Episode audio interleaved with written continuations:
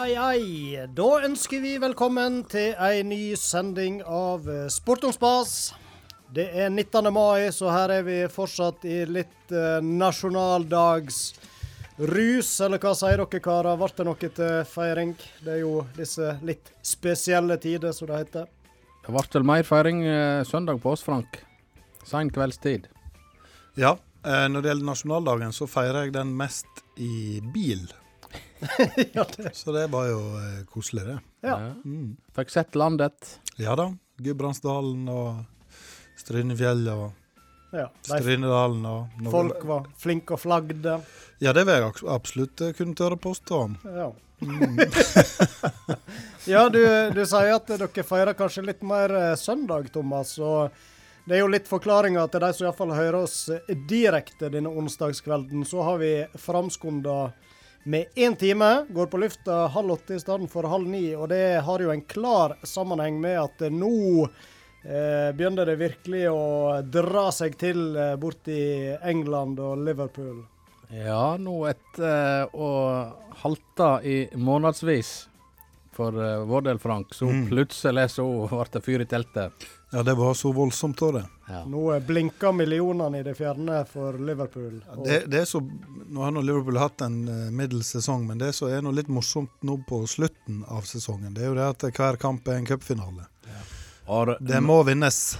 Og når keeper skårer fire minutter på overtid, da, da rakner det for meg og Frank. ja. Da rakner det. Og i kveld så er det en ny viktig kamp, og derfor, derfor er det vi er litt, eh, litt før skjema. Heldigvis så har vi en velvillig eh, redaktør i dette programmet her som eh, sa ja uten å mukke noe særlig.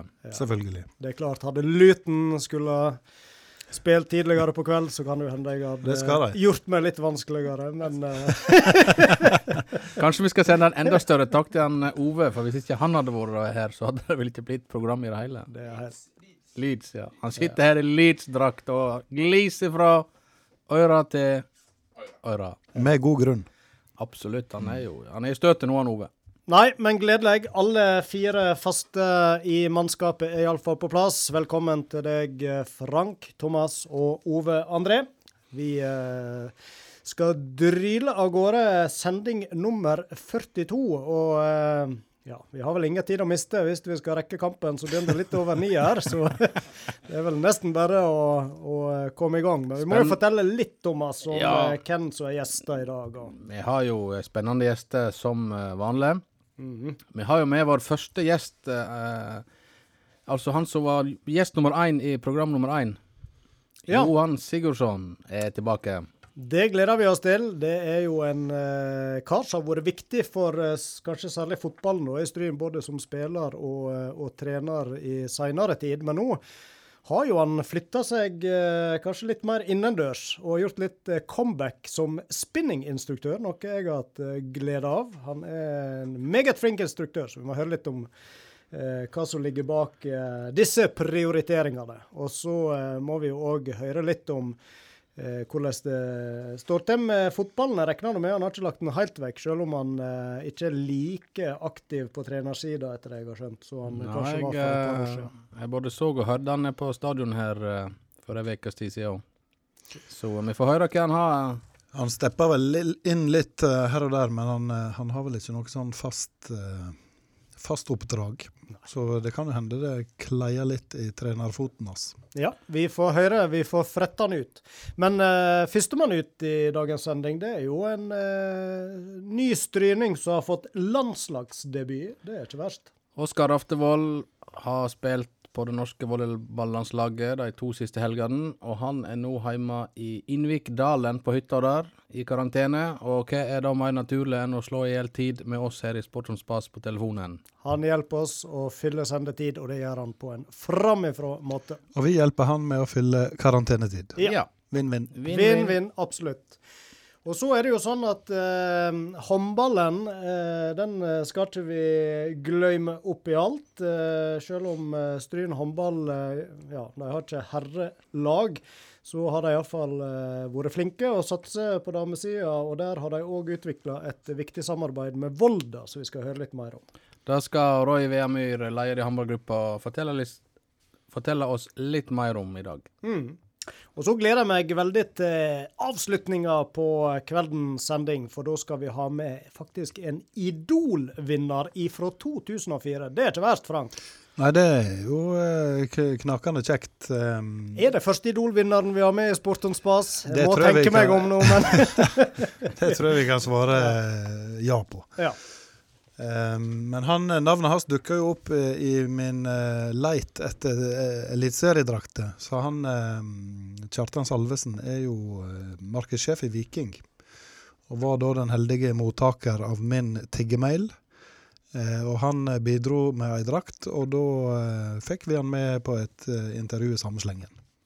Det blir veldig bra, og da eh, blir det sikkert litt musikkpreik òg, i tillegg til litt eh, fotballprat og litt andre ting. Så der har vi fire flotte gjester i vente, og da tror jeg vi egentlig bare er klare for å dra i gang, er ikke vi det? Ja.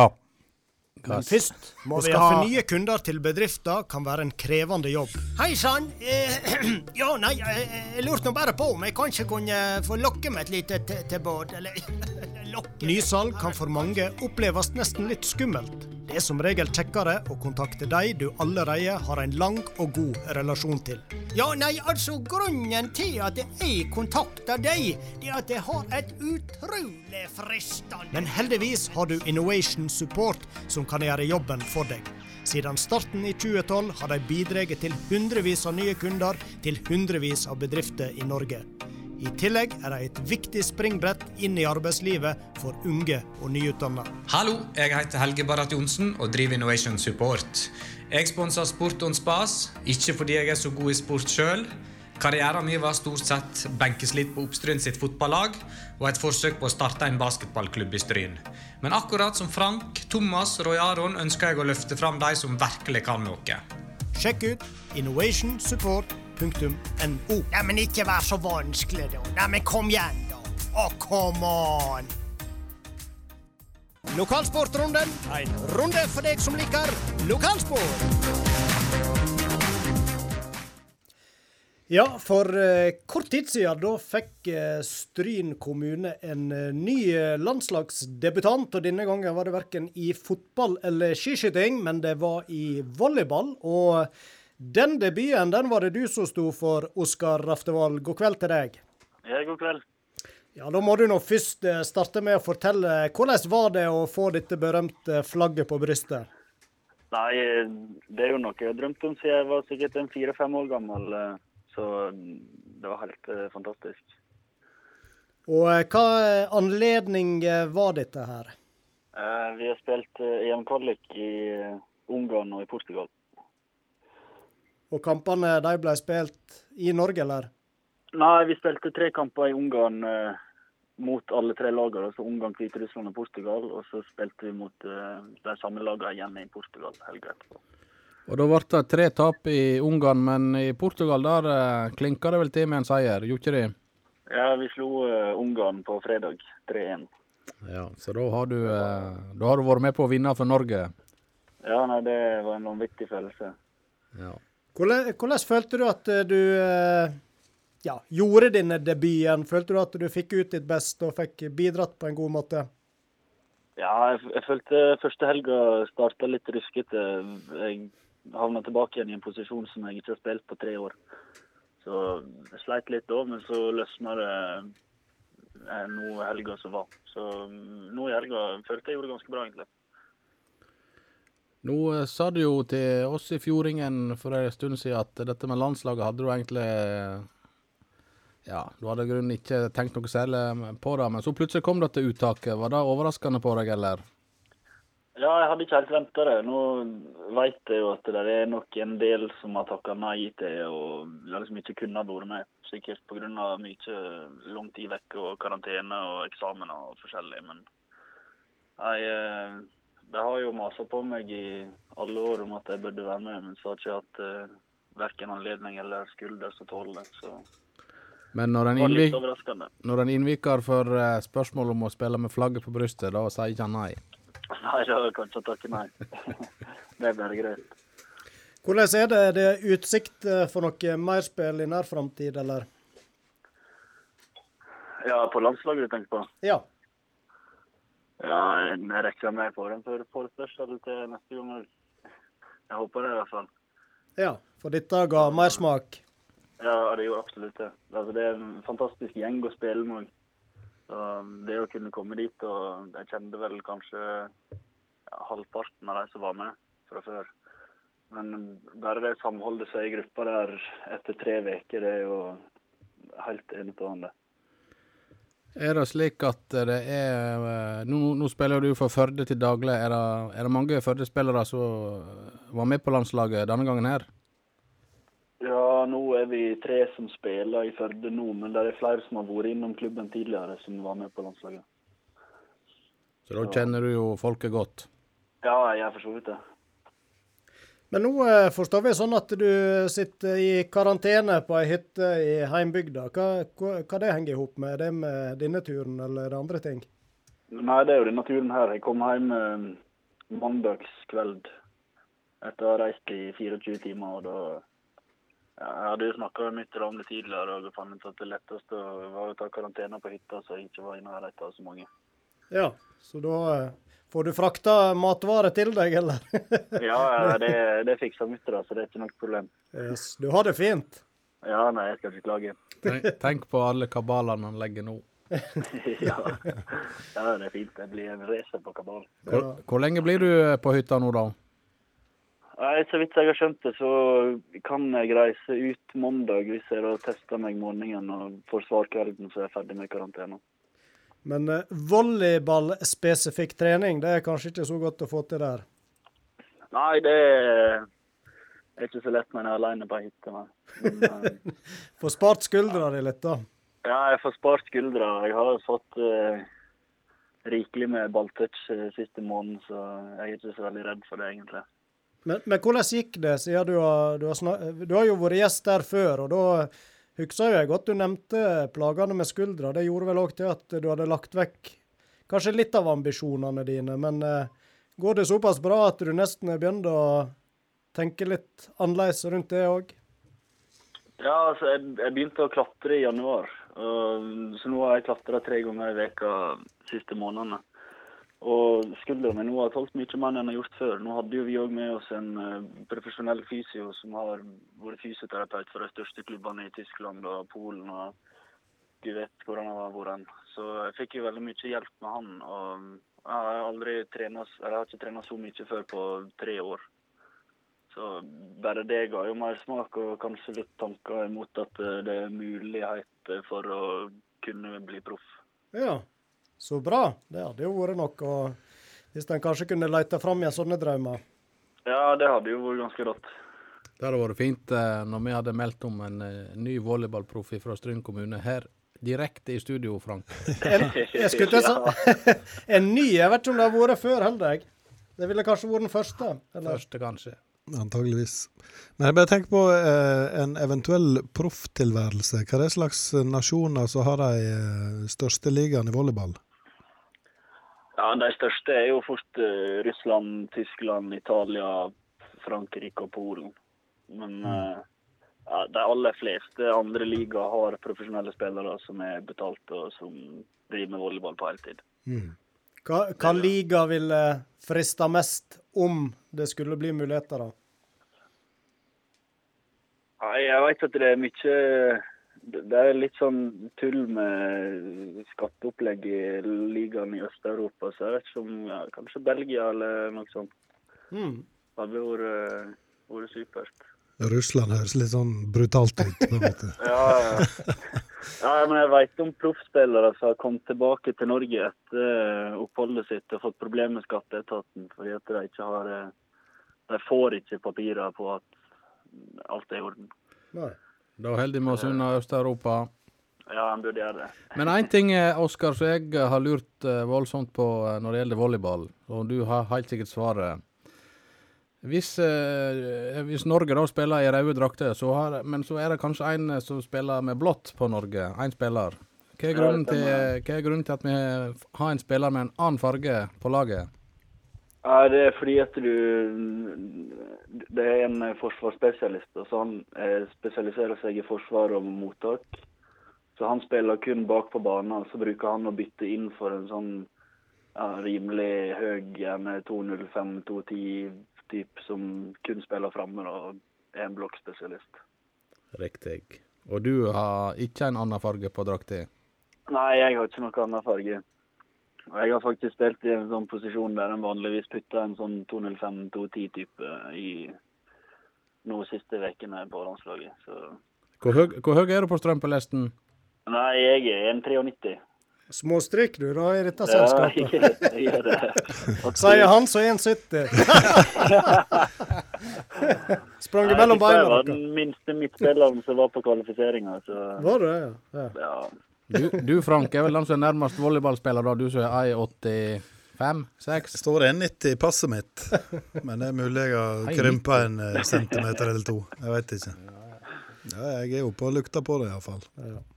Nei, jeg tror det er Oskar som skal konsentrere seg om å satse på volleyball. Og eh, veldig kjekt at du eh, Ja, det var kanskje ikke noe problem å finne tid denne gangen til en prat, siden du nå sitter på hytta, men kjekt var det iallfall at du ville være med. Og så håper vi på flere prater, og kanskje kan det skje noe på volleyballfronten og klubbskifte i framtid. Du får fortsette å klatre. Trene skuldrene. Ja, ja. Veldig bra. Da ønsker vi lykke til, og så må du ha en eh, fin kveld videre. Ja, takk. Ja, selv om vi skriver midten av mai på kalenderen og håndballsesongen kanskje er slutt rundt omkring i landet, så har vi likevel glede av å ønske leder i håndballgruppa i Stryn, Roy Veamyr, velkommen. Takk for det. Ja, eh, vi er jo litt nysgjerrige på dette her eh, samarbeidet som nå er etablert mellom Stryn håndball og eh, Volda. Kan du fortelle litt om det, Roy? Ja, jeg kan eh, fortelle litt. Det, jo, det bunner jo i eh, at Johan har vært der oppe litt og prøvd seg. og Vi har hatt uh, trener for førstedivisjonslaget på besøk her hos oss og snakka litt sammen. Så har jo vi i Stryn lyst til å tilby våre ja, kommende seniorspillere da, litt eh, ekstra utfordringer. Vi har vel tatt inn over oss det at vi har vel ikke noen sånn type skoleinstitusjoner og sånn som gjør at vi kan satse høyt i divisjonsspillet. Og Da er Volda egentlig veldig flott med 45 minutter unna. Er det da slik at uh, er, Gjelder det kun trening, dette, eller kan, uh, kan det være spillerutveksling på, til kamp og slikt òg? Ja, eh, vi har ikke 100% formalisert alt, men det vi har sagt er jo at uh, spillerne fra Stryn skal få lov til å reise opp og prøve seg, så om det er jente 16-lag, eller om det er tredjedivisjon eller førstedivisjon. Er man god nok for førstedivisjon, så får man selvfølgelig prøve der. Eh, Og så har Stolda sagt at de ønsker å komme ned til Stryn med et eh, type jente 16-lag og ha noen treningssamlinger eh, med våre spillere. Kan ei sånn eh, utveksling eh, fungere på trenersida òg, eller iallfall litt sånn kompetanseutveksling? At en drar litt veksler på miljøet der oppe, trenerne? Ja. Det er Noe av hovedgrunnen til at vi syns dette var litt spennende, var at eh, Volda tilbyr oss eh, trenerutdanning med sin kompetanse. Mm. Hva innebærer det? Er det omfattende?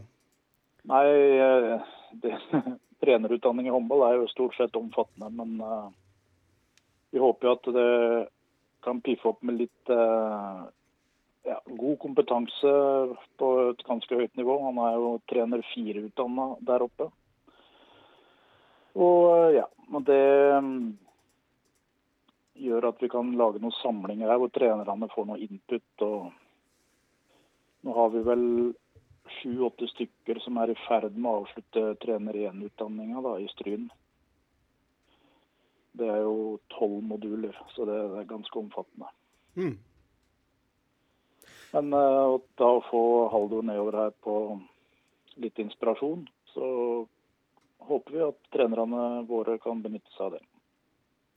Men, men hvordan er status nå, eh, litt sånn eh, eh, for eh, Stryn håndball? Er det, er det bra aktivitet? Akkurat nå er det vel ikke det. Ikke på trening heller? Det er ikke noen Nei, vi muligheter vel- for å Det er vel et par lag som har fortsatt å trene. Eh, Det er vel jenter eh, 12-13 og jenter 14, meg Mm. Hvordan har det vært Roy, i dette her eh, noe spesielle koronaåret å drive med håndball? Det har vel ikke vært enkelt? Nei, eh, eh, det er vel i hvert fall ikke enkelt. Det, ja, De fleste kjenner vel at det har vært litt turbulent og alt dette her rundt Stryn håndball. og Vi håpa jo at i år skulle vi virkelig få lov å begynne å spille og utvikle håndballklubb. Men vi har jo bare utvikla skjemaer for ditt og datt. Planen, planen er klar. Ja, vi har eh, godt planverk, da. Det må vi si at vi har fått på plass. Og, Men eh, jeg må jo berømme laga. Vi har jo så å si hatt eh, 100 eh, treningshverdag. Det var en periode hvor nasjonale nedstengninger rett etter jul, hvor vi oppfordra til utetrening, og det tror jeg var en del lag som faktisk gjorde. Um, så, i, I forhold til disse yngre lagene, eh, har du noe inntrykk av at det er mange som har gitt seg i den perioden her, eller har dere klart å holde på, på de fleste spillerne? Nei, det er vel uh, Det er noe frafall, men uh, det er ett kull jeg er litt usikker på hva som har skjedd med, men uh, det må vi bare sjekke opp i hva status blir når vi starter opp igjen. Om det er rett og slett at man var lei av bare å trene og ikke fikk kamp, eller det, jo, det har jo vært veldig utfordrende å ikke få måle seg mot andre. Du har jo bare trent og trent og trent, og du veit ikke hvor du står eller noe. Så det er litt eh, Det har vært en utfordring. Men eh, sånn lagsmessig nå hadde vi jo eh, møte i går med regionen, og vi har jo Vi ser jo at på guttesida da, så er vi snart i ferd med å utligne antall lag med, som på jentesida. Mm. Så det er litt morsomt. det er jo veldig bra, fordi det var vel en stund det knapt var et eh, guttelag eh, å oppdrive i Stryn håndball, så det er, jo, det er jo gode nyheter. Ja, nå er Hvis vi tar med damelag og um, jenter 16, da, så er det 11 jentelag og 9 guttelag. Og når det gjelder trenere og støtteapparat og den biten, føler du folk er, er motivert der òg den dagen det måtte åpne litt mer opp og en er klar for både kamper og annet? Ja, eh, jeg vil jo si at eh, i Stryn håndball nå så er det kjempepositivt. Vi eh, har gått fra å være fem-seks styremedlemmer til nå er vi 27 i organisasjonen.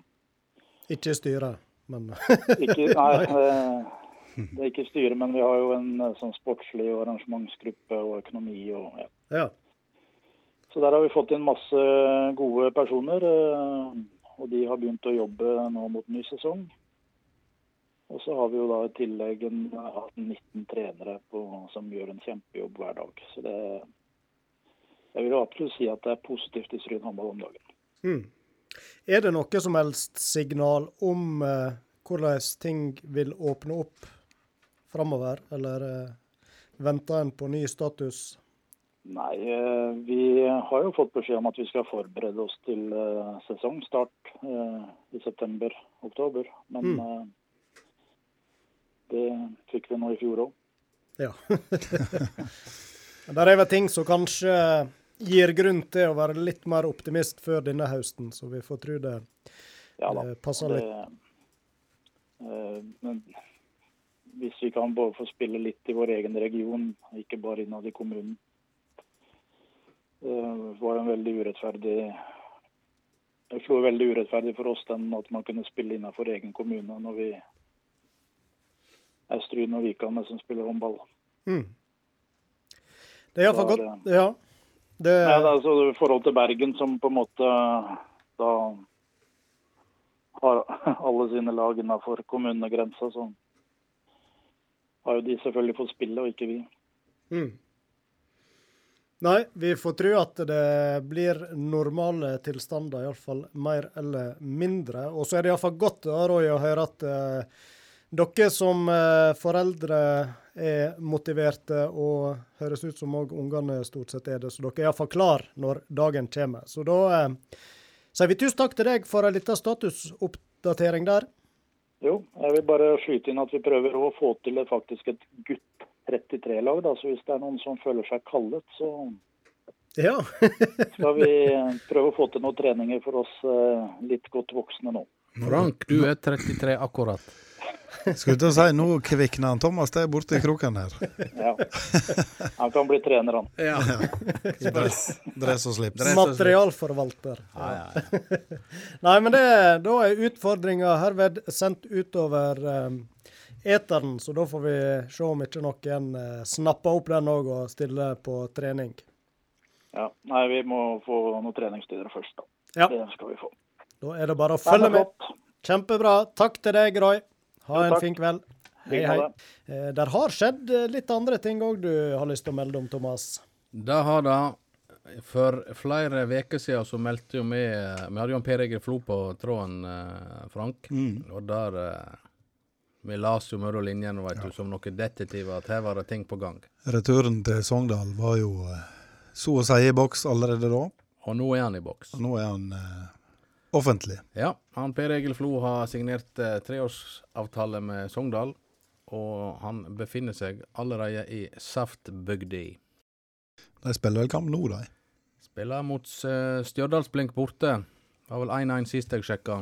Han er ikke med. Han er ikke med, han eh, sitter vel i karantene, men han er klar til neste kamp hjemme mot Fredrikstad. Det begynner å bli mange sterke etternavn på disse draktene der nede. Da er det Ja. Flo, Solskjær og Bakke, iallfall. Bjørneby. Bjørneby òg, ja. Så Mm. nå eh, det begynner å klinge bra ned på stadion når de har Sogndal tapte 2-1.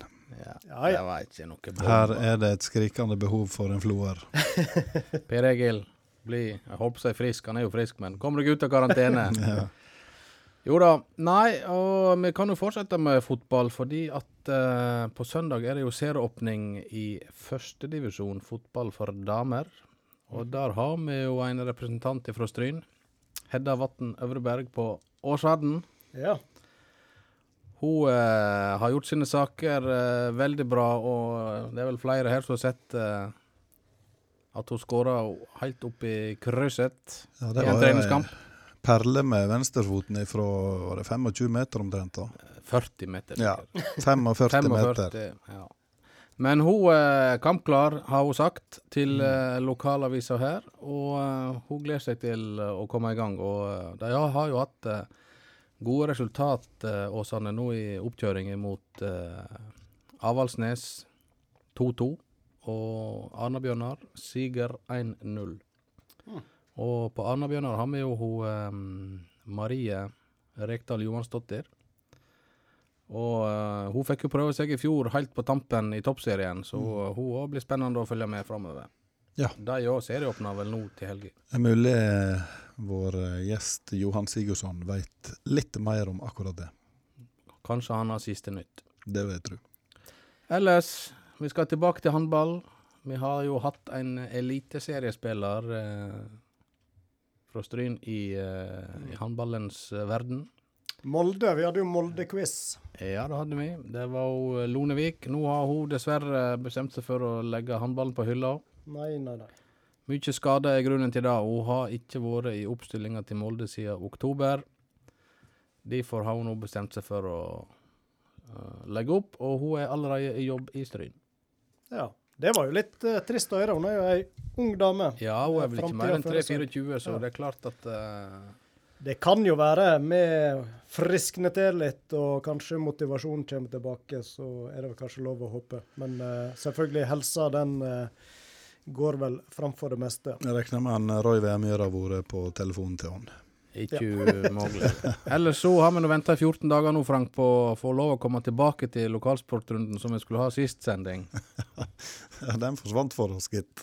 Husker du hva du eh, egentlig skulle melde for to uker siden? Nei, Ingen aning. det gjør jeg faktisk ikke. Vi sa vel to ganger ja, at vi skulle komme tilbake igjen til litt uh, fotballresultat og informasjon, men eh, Nei, Ja. vi, vi hadde jo en uh, det begynner å bli gammelt nå. Så det, Ja, det begynner å bli gammelt. Men uh, det var sånn Roy var inne på, det er jo sånn i fotballen òg at en har lov å spille mot uh, lag innenfor egne kommunegrenser. Mm.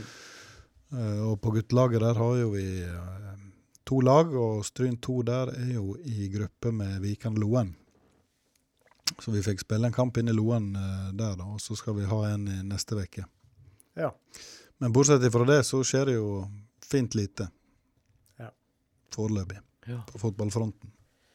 Vi venter utålmodig på at det skal skje litt mer i de ulike idrettene rundt oss. Så vi får bare håpe at ting nå lysner på alle vis, i takt med at sommeren kommer her og vaksinene blir spraya ut og rundt omkring. Da var vi kommet rundt i lokalsporten, Thomas, eller du som har oversikt. Jeg tror vi er i mål. Det er bra. Da kan vi spille litt musikk, og så skal vi hente inn kveldens hovedgjest, Johan Sigurdsson.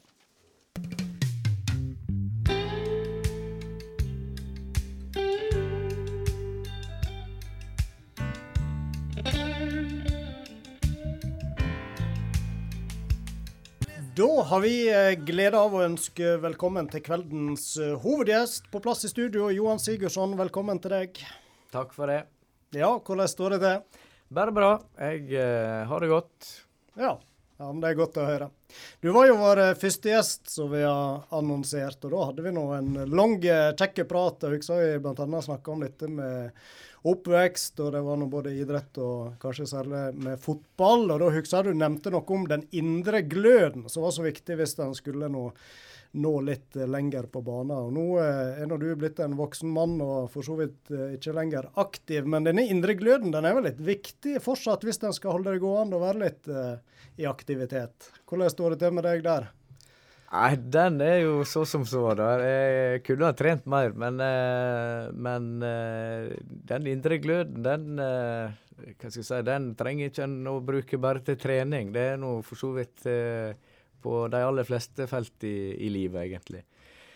Så, eh, men akkurat eh, fotball eh, er ikke akkurat der sånn som trener lenger, på en måte. Eh, sånn som han var før. Så, eh, så den, eh, den indre driven er ikke der akkurat nå.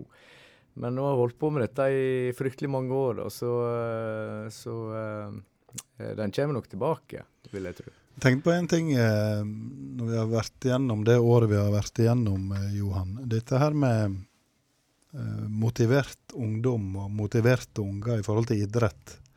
Tror du at et sånt år kan ta litt eh, knekken på den motivasjonen? Den indre gløden de har? Ja, det, det tror jeg helt sikkert. Eh, Det er jo lett å, å på en måte ty til andre ting og finne på andre ting eh, når, eh, når det kjekkeste en, en liker å drive med, ligger nede. Jeg hører jo fra bakrommet her at dere snakker med Roy i håndballgruppa. Det er jo utrolig trist at ikke de ungene som har lyst til å spille håndball, får muligheten til det. Eh, nå er jo fotballen en uteidrett, så en er litt eh, heldigere der, at en får trene. Men det er klart at det, at det å misse eh, på en måte den her eh, motivasjonen som det er å spille kamper, eh, det, det er ganske trått, eh, tror jeg. Eh, og jeg ser jo det F.eks. For, for, for seniorlaget vårt, som, eh, som eh, jeg gleder meg ekstremt mye til å Eller eh, seniorlagene, selvsagt, både på dame og herre. Eh, eh, og det å få se dem igjen. Eh, men jeg kan tenke meg at de spillerne der eh, gleder seg ekstremt til å, å få spille kamper. Eh, for det at det piffer jo opp eh, treningshverdagen litt, at en driver og trener mot noe. Eh, og det å få vise det i kamp.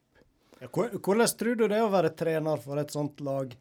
Når det ikke er noen kamper å motivere den gjengen der. Du Ja, har sluppet den biten når du var trener. Da var det ikke noe korona. Nei, nei det, er, det er klart at det, er- det er jo kampene som er ekstra kjekke å, å spille, og det er kjekt å Hvis en nå eh, klarer å trene så godt og, og på en måte få, få det fram i kamp, så er det jo det noen jobber mot. Og det å aldri få, eller ikke på lang tid få, få på en måte en bekreftelse på at det en trener på, at det er blitt bedre, det er på en måte det, det vil jeg tro eh, gjør at motivasjonen detter litt. Eh, for eh,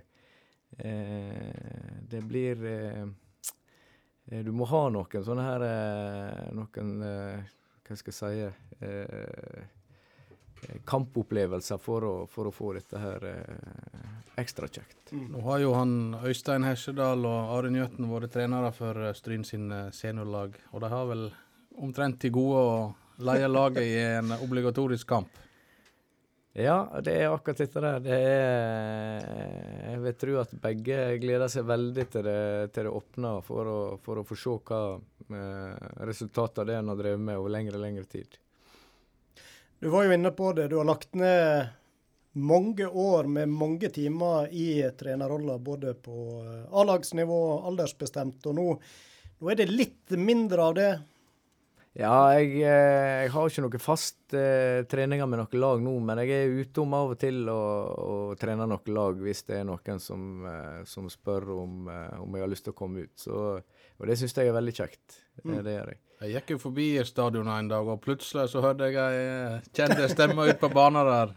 Og da var jo du, Johan, som da trente noen gutter. Ja, jeg var vel småguttelaget i forrige Ja. tenker jeg. Og, og det er jo det er ekstremt kjekt å få være med å trene, i dette tilfellet gutter som har eh, veldig lyst til å, å, å bli gode. Det er jo det er jo det som er kjekt, å, å trene unger, ungdommer eller voksne som, eh, som virkelig har lyst til å bli god og gå på trening for å, for å bli bedre. Mm. Men, men eh, var det behovet for litt forandring på en måte som gjorde at du nå har flytta deg litt vekk fra stadion? Eh, nei, I utgangspunktet var jo egentlig at jeg eh, bytta jobb, eh, der jeg eh, skulle ut og reise mye i eh, suvenirbransjen. Eh, så eh, det var jo egentlig det som gjorde at, eh, at det, det ikke skulle la seg gjøre å, å kombinere.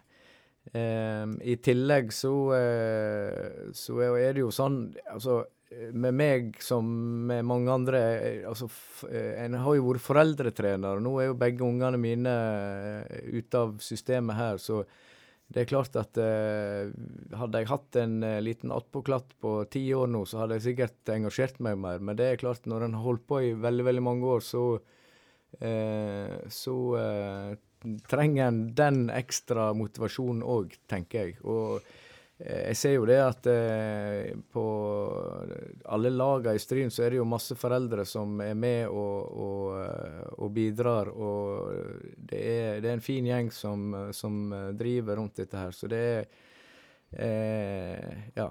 Eh, jeg syns det var Men det var som sagt eh, mest fordi at jeg skulle, skulle ha en jobb der jeg skulle reise mye. Mm. Men suvenirer det kjøper ikke nordmenn som ferierer i eget land.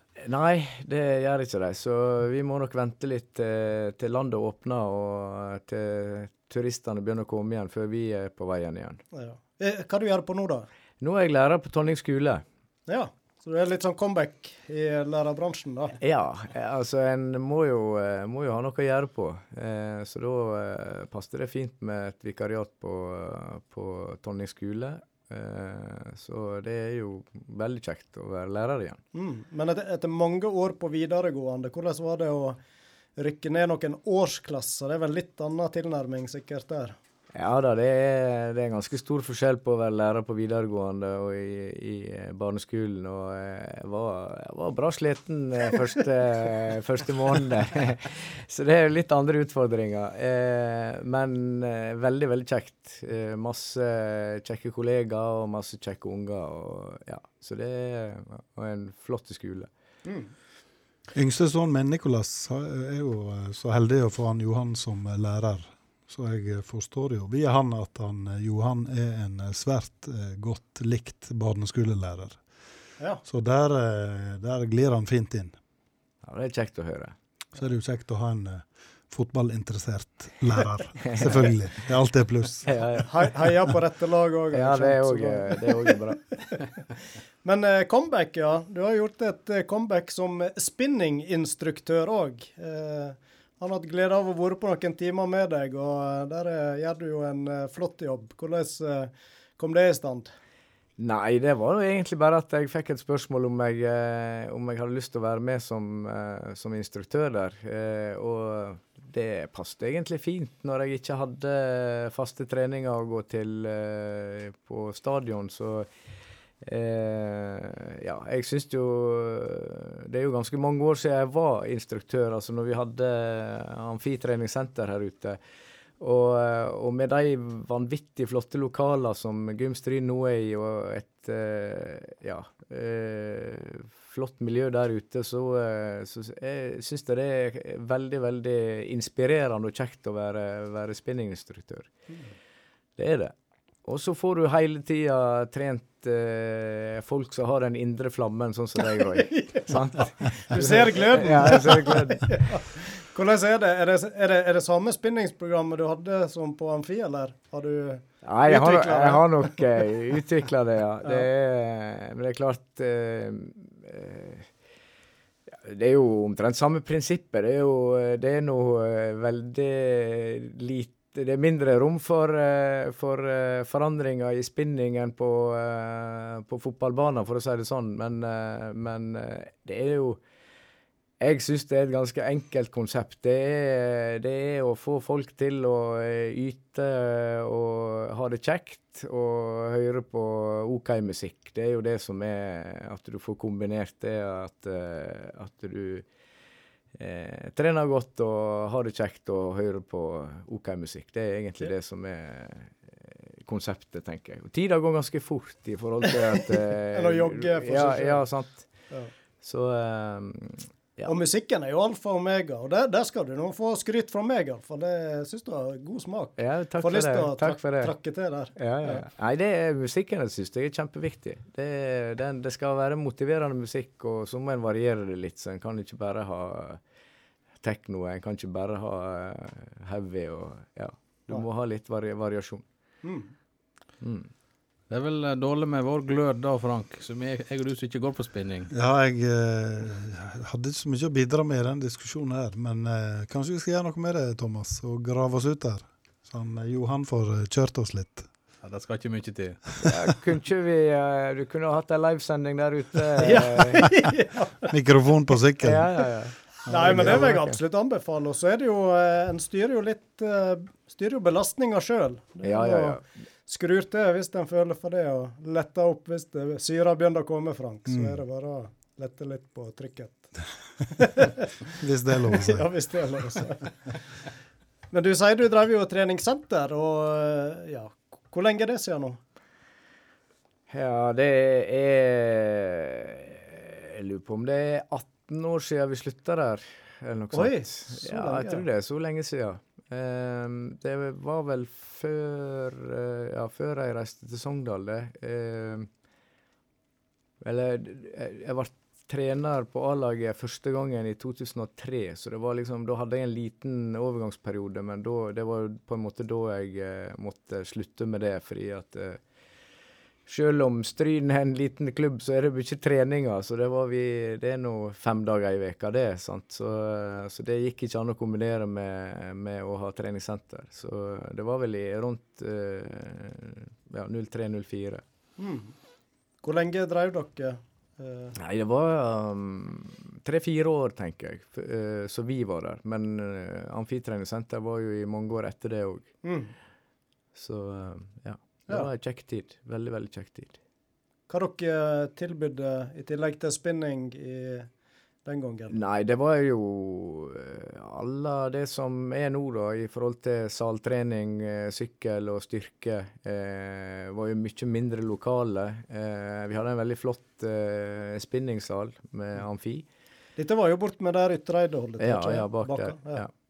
Og så hadde vi noe som het bodypump body pump og body combat, som var veldig, veldig populært. Så var et, eh, noe som vi eh, hadde eh, ja, eh, veldig, veldig mye folk på.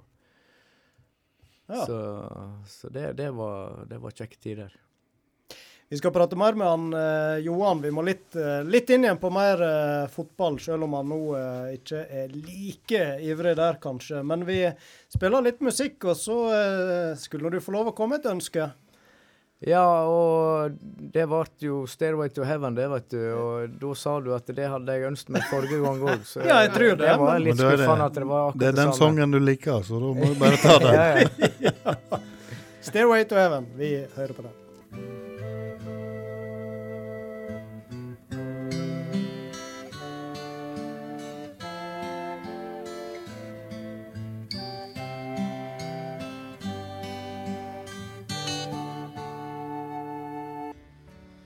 Ja, da har vi fått uh, nytt flott musikk her og skravla litt i, uh, under pausen òg, uh, Johan. Men jeg tenkte vi skulle tilbake igjen til fotballen bitte litt. du nevnte det sjøl at nå har ikke du døtre lenger som er i alderen Eller er med på de aldersbestemte lagene her. De har forlatt redet, som det heter. Og du har jo ei datter i Bergen som lukta litt på sånn toppseriespill for Arna Bjørnar, er det vel. og Fikk du med deg da hun fikk uh, debutere på øverste nivå?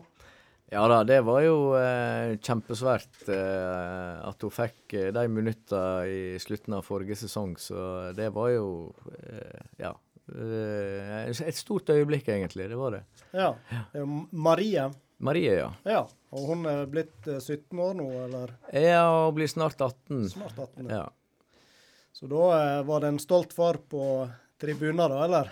Nei da, vi var ikke Det var jo korona Hva skal jeg si Den, den eh, serierunden ble jo utsatt i tre uker, så dette var jo langt ut i desember. så og det er klart eh, Vi hadde ikke noen store forhåpninger om at hun skulle komme inn på heller. Nå ble det ca. fem minutter, eh, så vi satt hjemme og så på kampen på TV. ja. Det var, det var nok det, for å si det sånn. Ja. Men hvordan eh, hva er rapportene fra Bergen, da? Er hun greit i trening og Ja da, hun eh, har fått trent eh, veldig bra siden Hun hadde en kneskade som hun, eh, som hun eh, kom seg eh, fint ut av, og, eh, og, har trent veldig bra. Hatt fin utvikling. fått spill, spilletid i fire av, av seks treningskamper før sesongen. Eh, det som skjer nå, er jo at eh, når serien begynner, så blir det jo litt eh, mindre eh, innbyttere som skal innpå, og, eh, og litt mindre rokeringer på laget. Så eh, nå, for å få kamptrening nå, så spiller hun på et, et mikslag som Anna Bjørnar har egentlig fått dispensasjon til å bruke i gutteserien. Så det er jo jenter som spiller i lag med gutter mot rene guttelag. Eh, og det, det måtte egentlig til litt nå, fordi at eh, kamptrening, det, det, må til innimellom. Eh, og eh, det er vel ja, januar 2020 var siste gang hun spilte en hel fotballkamp. Så nå fikk hun spille Ja, det var full kamp nå på torsdag i, i den gutteserien. Så nå blir det et par uker med, med, det laget før hun eh, Ja, så blir det en, eh, en eh, hva skal jeg si, dialog mellom klubben og hun om hun skal inn igjen i, i toppseriegruppa igjen, eller om hun skal fortsette på, på, dette her for å få enda mer kamptrening. Mm.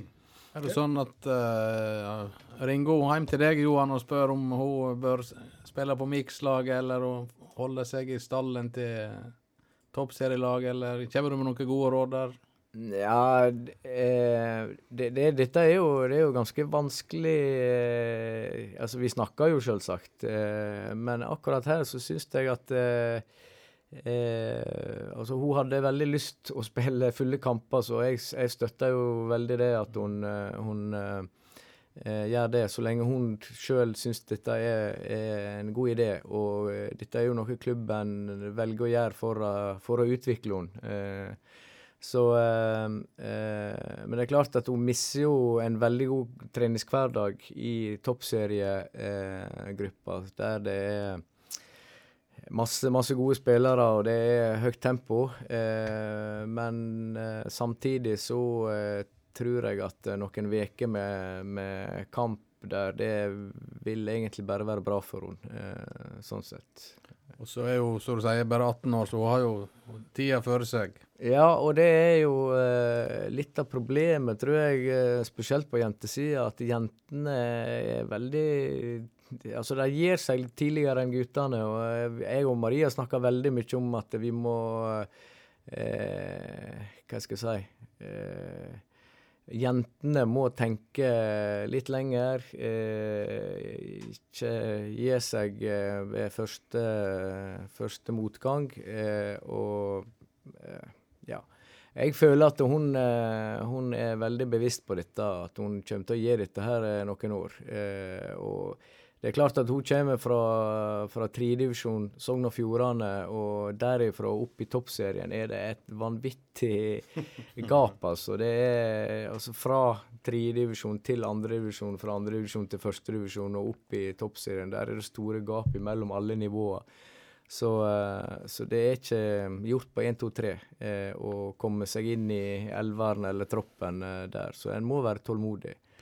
Eh, Jeg ser noe sånn som så Arna Bjørnar og andre toppserieklubber, de henter jo spillere i søkk og kav fra eh, utlandet, og de henter hjem igjen eh, norske landslagsspillere som har vært ute, og forskjellig. Så det er klart at nivået på disse her klubbene er jo skyhøyt.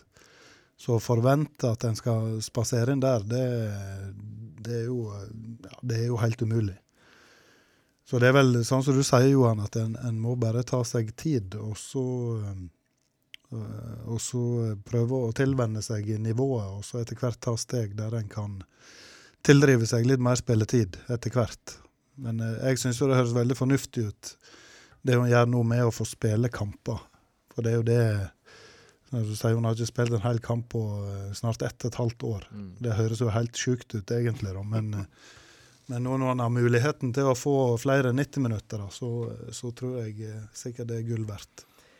Du kan si Den ideelle situasjonen er jo eh, Og det, den hadde jo vært der hvis ikke koronaen hadde vært sånn som den er nå. Eh, de har jo et, eh, et rekruttlag, eller et andrelag, i, eh, i andredivisjon. Eh, Anna Bjørnar. Så, så det naturlige hadde jo vært å trent med toppserielaget, og når du da ikke er får spille i toppserien, at du spiller med, med rekruttlaget. Eh, og det hadde jo vært det ideelle, men eh, så lenge breddefotballen ikke kommer i gang, så er jo det selvsagt umulig.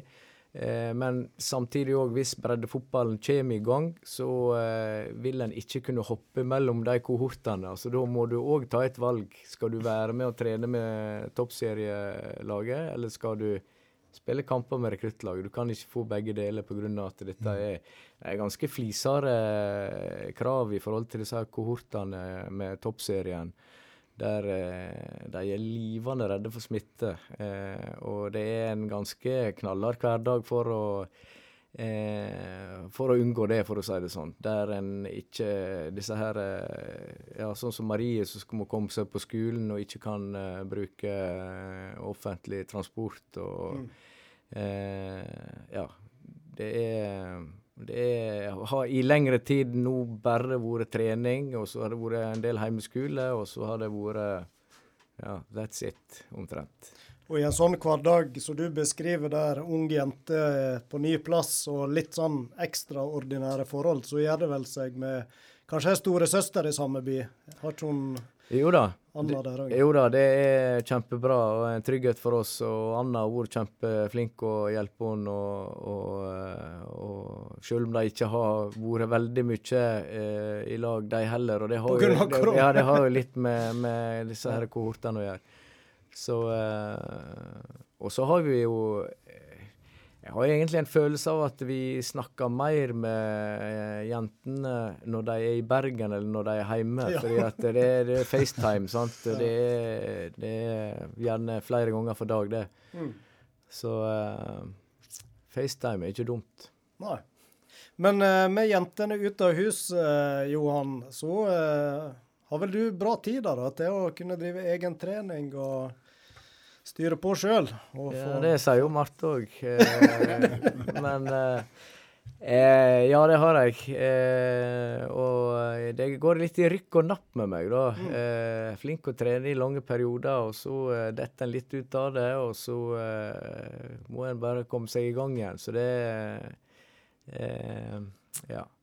Har du gode tips der, eller hvis en detter litt ut av det og sliter med å komme seg ut på en fjelltur eller joggetur eller hva det måtte være? Nei, jeg har ikke noen gode tips. Det, det er bare, Jeg, veit veldig godt hva en skal gjøre, og det er bare å gjøre det. Ja.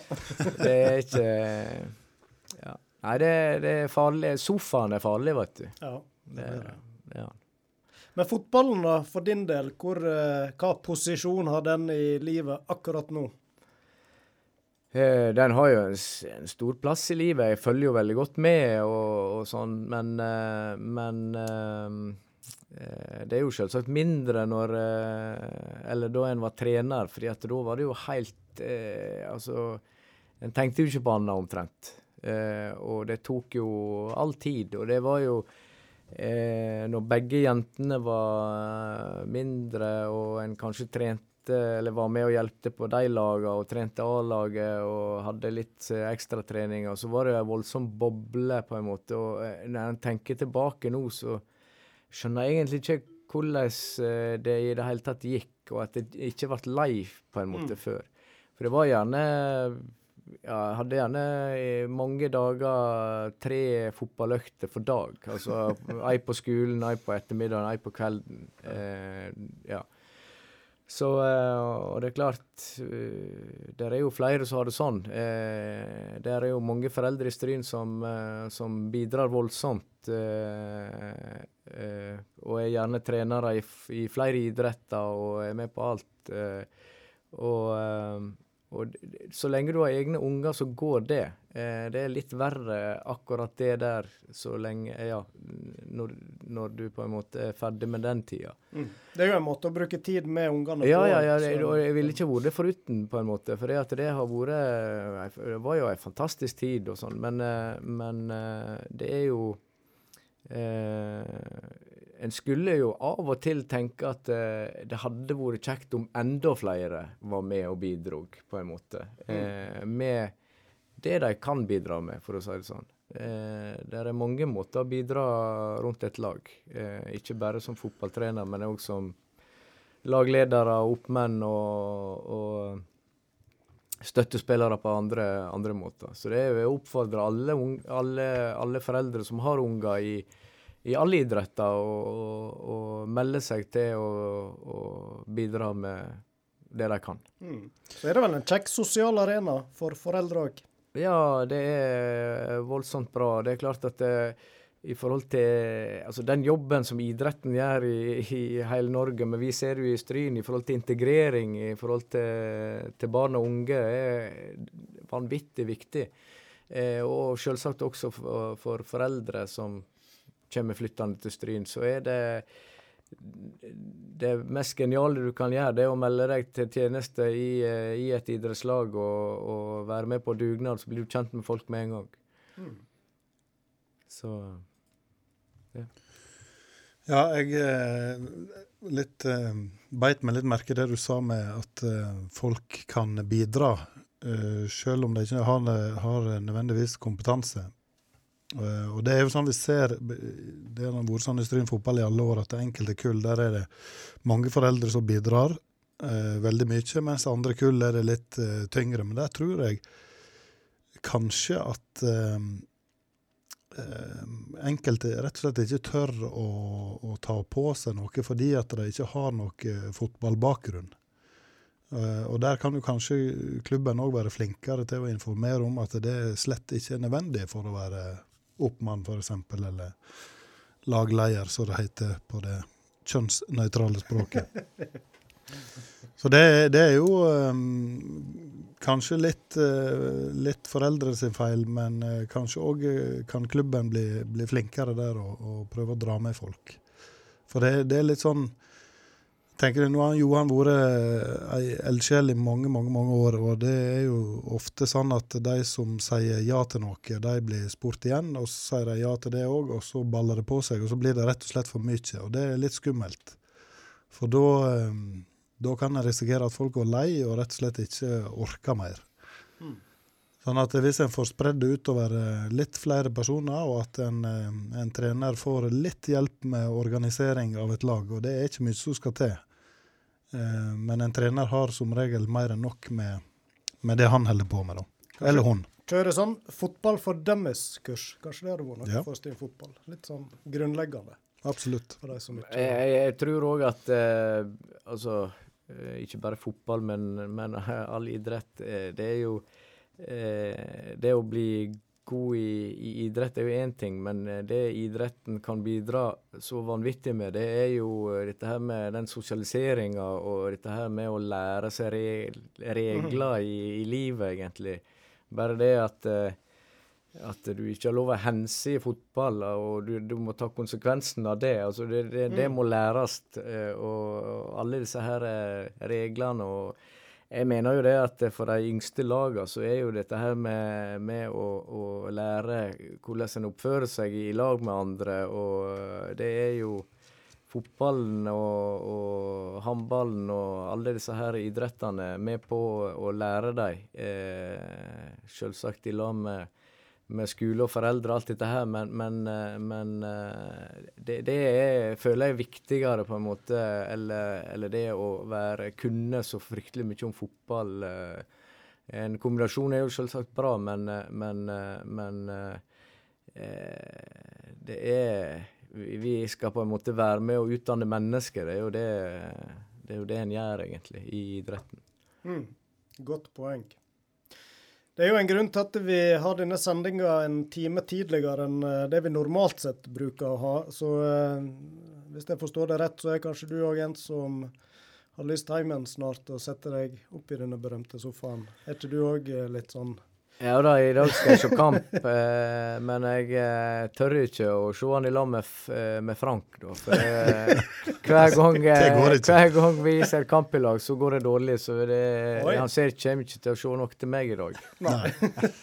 Hvor er din eh, favorittplass å følge? Nå er det Liverpool-kamp, da. Ja, nei, jeg, jeg er jo veldig glad i å sitte på puben og se, Mm. se kamp, jeg. eh, Men det, det er hipp som happ, jeg, jeg, haps, egentlig, bortsett fra opp med Frank. Ja, det, det, det, det.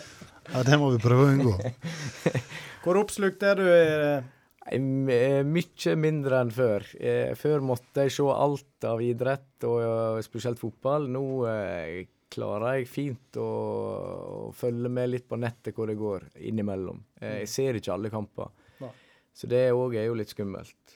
At, eh, At det går den veien? Ja, at det går veien. Ja, men eh, det er faktisk blitt sånn Ja. eh, Det å gå, gå glipp av en Liverpool-kamp for uh, 20 år siden, det var jo krise. Men uh, det går nå. Det jeg helst ikke vil gå glipp av, det er strynekamper her ute. Eh, For det, det engasjerer meg veldig. Og det Jeg eh, Det er et lett valg eh, om Liverpool United hadde spilt klokka fire eh, på TV-en, og Stryn skulle ha spilt mot Høyang. Høyang, så hadde jeg sett Stryn Høyang. Yes. Ja. Ja. Det liker vi å høre. Og da eh, Du er førstemann å løse billett, du, da? Eller har du RS-medlemskap, kanskje? Nei, det har ikke jeg. Jeg løser billett, så det går fint. Så da får vi bare håpe at uh, mulighetene byr seg mange ganger nå utover uh, iallfall høsten. Ja, det får vi vi håpe. på. Det var veldig kjekt du ville ta turen igjen, eh, Johan. Så får vi se om uh, hvem det er som skulle si, holder det gående lengst der om et par år, om vi fortsatt er i drift der. Det var noe sånn, Johan, eh, Johan sa her i stad at nå har vi kommet rundt. Ja. Så vi må bare begynne på nytt igjen på lista. ja, kanskje det vi skal. Da er det, da er det en Jens Ishaug, da. Neste gang. Veldig kjekt. Eh, ny, flott prat. Og så eh, får vi nå ønske lykke til med kampen i kveld. Og ellers så eh, satser vi på at lokalidretten er oppe og går for fullt om ikke så lenge. Tusen takk til deg. Takk for meg. Jeg sier bare så du vet det. Jeg har så sinnssykt sans for deg. Du er engel, du er god som gull. Ja, bare så du vet det.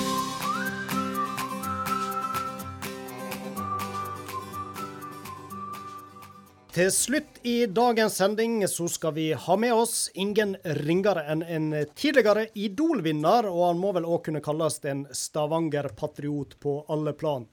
Han er én av fire i gruppa som vi nettopp hørte, Stavanger-kameratene. Han jobber som markedssjef i Viking, og det er òg en klubb han skrev cupfinalelåt til. Og da ønsker vi velkommen til deg, Kjartan Salvesen. Tusen eh, hjertelig takk for det. Litt skuffa over at jeg kutta ned på låten vår. eh, Men, eh, Vi har, vi har en, eh, vi har en Liverpool-kamp på nå. ja, jeg skulle akkurat det si det. Nå har Odd gått opp i 2-1, så jeg er litt skuffa at dere faktisk har radiosending under en hel serierunde med, med både engelsk og norsk og Obos-liga. Du må følge med på alt samtidig. Ja. Det er skandale. Det er muligheter med podkast for de som ikke har mulighet til å følge oss live. Så eh, vi, her er jeg. Men du eh, Kjartan, det er jo eh, for så vidt mye å gripe fatt i når det gjelder deg. Men la oss starte litt i musikkhjørnet. Stavanger-kameratene, dere var jo med i den norske Melodi Grand Prix-finalen og gjorde jo en flott figur der med låta 'Barndomsgate'. Men der var det jo han Tix som som vant, som kjent. Og nå er jo han nede i Rotterdam og skal forhåpentligvis gjøre det store der. Og da lurer jeg på, følger du med på det, eller er du litt sånn eh, snurt for at ikke du er der nede sjøl? Jeg er en elendig taper. Eh, du, dere, skulle, dere skulle ha prøvd å sette meg på 16. mai på hjemmebane på SR-Bank Arena 0-1 mot Tromsø. Oh. så ser du hvordan, jeg kan bli. Nei da. Jeg, det var en fin eh, opplevelse med Grand Prix. Det var eh, selvfølgelig kjipt å ikke gå videre, men nå har vi blitt såpass gamle at vi, vi er jo nødt til å takle det, for hvis ikke så er det jo flaut. Eh, så, så det gjorde vi jo. Men Tix ble jeg godt kjent med. Han, det viste seg jo at han var han kom med en flott historie vet du, om han som unge gutt. Det er jo da jeg forsto hvor gammel jeg faktisk er. For han som unge gutt, elleveåring, var og så på Idol-Kjartan som sang 'Standing Tall' i 2004. Det var starten på hans det, var sta det var starten på hans musikkarriere, faktisk. Eh, så når han fortalte det, så falt han jo inn i farsarmene mine. Så han, eh, han heier jeg veldig på. Eh, en flotte fyr, flott historie og kule låt. Og jeg, jeg tror jo den pakken med Tix kan faktisk gå hele veien. Ja, vi, vi får satse på det. Han gjorde iallfall eh, flott figur i går i semifinalen. og Fikk mye skryt og var jo første som ble ropt opp der. Eh, du nevner det sjøl, ja, eh, Kjartan. 2004, du vant Idol, og da var det jo hele Norge ble jo kjent eh, med ditt navn. Men eh, du var jo kjent som musiker før det, iallfall i Stavanger og i fotballmiljøet, vil jeg tro. For i, allerede i 2001 da skrev jo du cupfinalelåta til Viking. og Jeg må nesten spørre hvordan det kom i stand? Ja, si det, du. Det òg er jo selvfølgelig en røverhistorie. Men uh, dette er jo tilbake i 2001, ja. Uh, jeg var ikke sånn super Viking-fan i den tida, jeg, uh, faktisk. Men jeg husker historien som om det var i dag, holdt jeg på å si, eller i går. og det var rett og slett en heidundrende fest på byen, husker jeg. Og så kom jeg hjem i tre-fire-tida på natta. Da var altså Rogalands Avis kommet ut allerede i den tida. Som neste dags avis. Og da sto der Da stjal jeg jo selvfølgelig det med meg, og da sto det på forsida at nå kan du lage cupfinalelåten til Viking. Så da satte jeg meg ned eh, i bare den lille trusen jeg hadde, og spilte den eh, sangen på natten. Eh, Med to i promille? Da var det sikkert eh, iallfall 1,8, ja. så det, det, det, var en, eh, det var liksom Det var jo på mange måter starten på det musikalske livet mitt, da. Som faktisk nå har hunget med meg i, i 25 år. Så det er litt rart å tenke på. Men det starta med en fotballåt. og, og eh, ja, nå jobber jeg med det i dag i tillegg, så det er jo fantastisk. Men hadde ikke du Du må da ha hatt et eller annet musikalsk for deg før den eh, natta med 1,80 promille? Ja da, det var jo selvfølgelig en, en, drøm om noe. Jeg hadde jo begynt å spille gitar siden jeg var 15 år eller noe sånt, men, men eh, og var jo en sånn sett en eh, Om jeg ikke var en klovn, så var jeg iallfall en som, som dro fram gitaren på forspill og nachspiel, og, og hadde jo selvfølgelig litt drømmer om sånn som alle andre har, som driver med musikk eller med fotball, om å nå langt. Så, men det var ikke noen plan rundt noen ting. Eh, men litt musikalitet har det nok bodd i meg fra, fra barndommen av, ja. Um, det var litt musikk, men i forhold til fotball, du har vel regna med du alltid har vært en uh, fotballkar ifra, uh, ifra, du kunne gå? Um, ja. Hva er det slags klubb du egentlig hører til? Nei, Jeg vokste jo opp i det som i den tid het Ulf, eh, som nå er Sandnes Ulf, som vi kjenner godt fra Obos-ligaen, som mm. konkurrerer mot bl.a. Sogndal for tida. Eh, der hadde jeg jo alle mine år som fotballspiller og var med opp til andredivisjon i sin tid, når det het Sandnes FK. Så jeg har, Jeg har til og med vært med en eh, liten gjestevisitt på ei vikingtrening for mange hersens år siden, når jeg ble ansett som et, eh, et eh, Litt talent var der, men ikke mye. Og ikke nok. Langt ifra, faktisk. Hvis du Jeg hadde, blir glemt å ta med meg, jeg hadde glemt å ta med meg fotballsko på denne her treninga til og med, så jeg måtte låne fotballsko. Og... Nei, det var ikke det var, det var ikke helt der. Men uh, ja. Ja, Er det det vi kan kalle et prøvespill, eller? ja. Jeg skulle gjerne ønsket at det var det, men, men det var en samling av regionale talenter på en trening. altså Det var sikkert 30-40 stykker, så jeg vil ikke kalle det prøvespill. Eh, Og jeg var ikke i nærheten av eh, verken seriøs eller god nok, syns jeg sjøl. Så da eh, endte jeg opp med å heie på de heller, og lage musikk til de. Men, men nå har du jo nådd lengst i musikken, det er jo ikke tvil om. Men eh, hvor du vil si talentet er størst? Fotball eller musikk? Oi, jeg ville ikke sagt Eller det høres gjerne dumt ut, men jeg vil ikke sagt noen av delene. Det var litt vel Jeg, ydmykt. eh, Da har du kommet Ja, langt på bare viljen i så tilfelle. Ja, det er kanskje det det er. Eh, men jeg, jeg vil jo si at jeg, jeg har jo oppnådd de største øyeblikkene i livet mitt. Eh, Nå vet jeg jo at kona mi ikke kommer til å høre på denne podkasten. Jeg vil faktisk gjerne gjøre det, siden jeg nå er med. Men, men, men de største øyeblikkene i livet mitt er jo, er jo knytta til eh, Viking sine store fotballøyeblikk, som jeg har vært en del av de siste åra. Pluss at eh, musikken har dratt meg gjennom noen altså det er så massive øyeblikk som Idol-seieren i 2004, som er ja, Det går ikke an å det går ikke an å gjenfortelle den engang, for det var en, en fantastisk opplevelse. Så jeg, jeg har vært heldig med begge begge sjangrene, holdt jeg på å si. Det, jeg tror rett og slett bare vært heldig. Mye tilfeldigheter. Så om det er talent inni der, så er det fint, det. Men jeg har ikke visst om det. Men var det et, et tidspunkt eh, der du på en måte eh, måtte prioritere musikk foran fotball, der du valgte å slutte med fotball, eller bare falt det seg naturlig etter hvert? Ja, jeg tror, det, jeg tror faktisk det falt seg naturlig. Men det var en, en, en, en periode der jeg jobbet som eiendomsmegler i mine yngre dager, hvor jeg bestemte meg for å satse på musikk. Altså Jeg tok et valg eh, for mange mange år siden at jeg ville videre i musikkens verden. Og da kutta jeg ned på, på, på jobb og jobbsatsing. Så det valget tok jeg. Men mellom idrett og musikk så har jeg alltid klart å holde det levende på begge, begge fronter, egentlig. Men du kan jo Det skal mye til for å være, være både elitespiller og, og toppen av Musikk-Norge. Nå prøver jo Markus Nakken på det da. Nå, ser jeg. Ja, han er i Mjøndalen. Så, Ja. Med hell, eller? Ja, altså Markus er jo en eh, fantastisk fin fyr. Vi hadde han i Viking eh, i eh, Obos-sesongen vår for to-tre år siden. En nydelig fyr, det. Og han eh, har jo gitt ut eh, fem-seks låter hvor han er faktisk rapper. Og han er jævlig flink. Så det er dødskult. Eh, fin fyr, altså.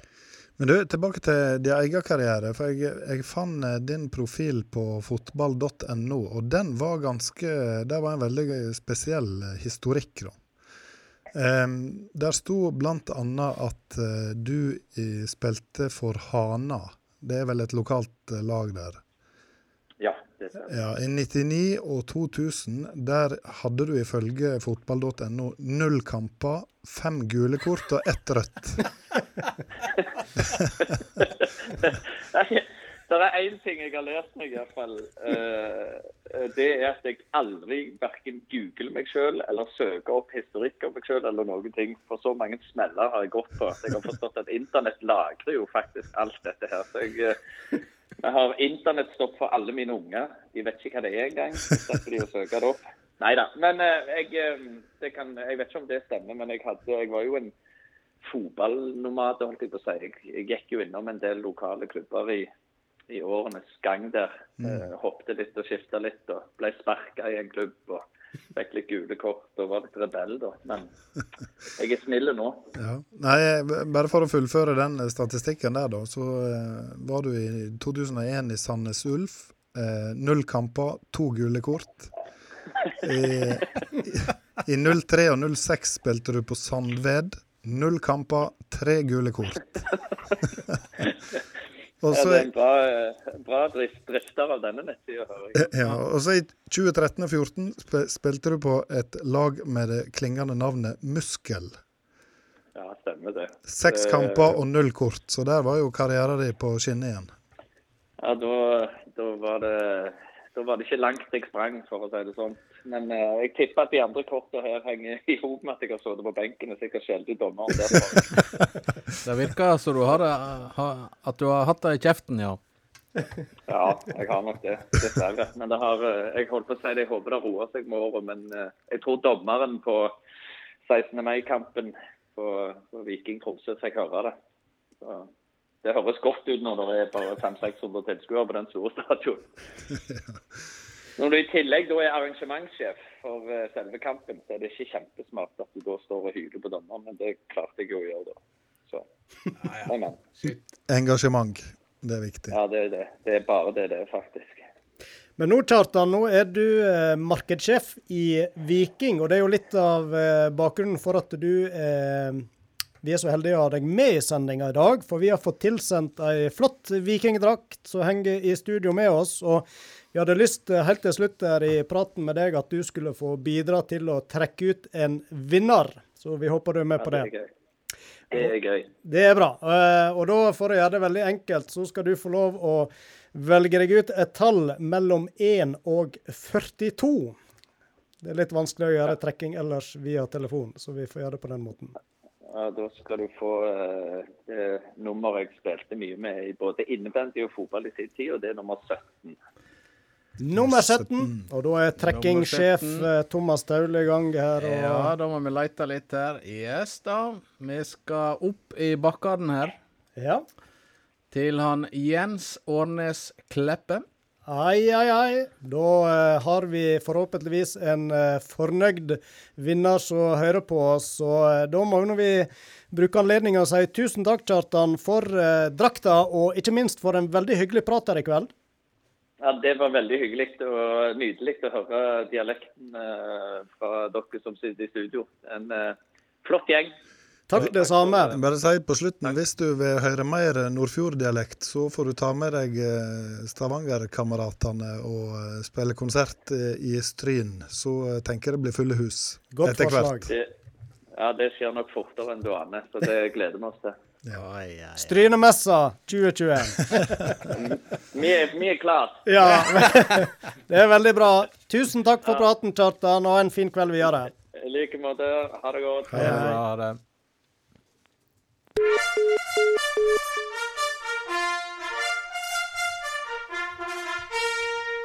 Ja, vi gir oss ikke med bare én eh, premie i dag, for eh, den egentlige premien som var lyst ut, Thomas, det var vel ei eh, anna blå drakt? Ja, vi holder oss i- til mørkeblått, har jeg lagt merke til. Sist var det vel Kristiansund. Mm. Og så har vi da funnet vinner til Viking. Og nå har vi ei Strømsgodsedrakt eh, hengende her. Kjent direkte fra Drammen. Fra Jostein Flo, kanskje. Kanskje, før han uh, takker, for deg, takker for seg. Det sier ikke historien noe om. Nei da. To flotte drakter i dag. Ja. Da foreslår jeg at han Ove gir meg et tall mellom 1 og 42. Minus 17. Saukjan er opptatt. 37, du. Skal vi sjå Bingo! Det er han Henning Breidablikk. Ai, ai, ai. Ai, ai, ai. Henning han er svær å sende inn svar, så dette syns jeg er vel fortjent. Absolutt. To eh, verdige vinnere, hvis det går an å si, eh, Ja. på eh, to flotte drakter. Så da eh, er vi faktisk uh, kommet vi til veis ende i denne sendinga, og det passer vel bra, gutter. Nå er klokka bikka ni, og det er få minutter igjen til kampstart. Hei, hei, hei Er dere klare? Jeg er klar. Det er bra. Da må vi ikke glemme å takke de som har bidratt til den 42. sendinga av Sport om spas. Vi hadde med oss Oskar Raftevold, Roy Veamyr, Johan Sigurdsson og til slutt Kjartan Salvesen. I studio satt jeg, Roy Aron Myklebust, tekniker Ove André Orskog, og med vi venstre side Thomas Dominguez de la Peña. Og rett fram, eller på skrå her Frank Salvesen. Ai, ai, ai. Ha det bra. Nå. Nå.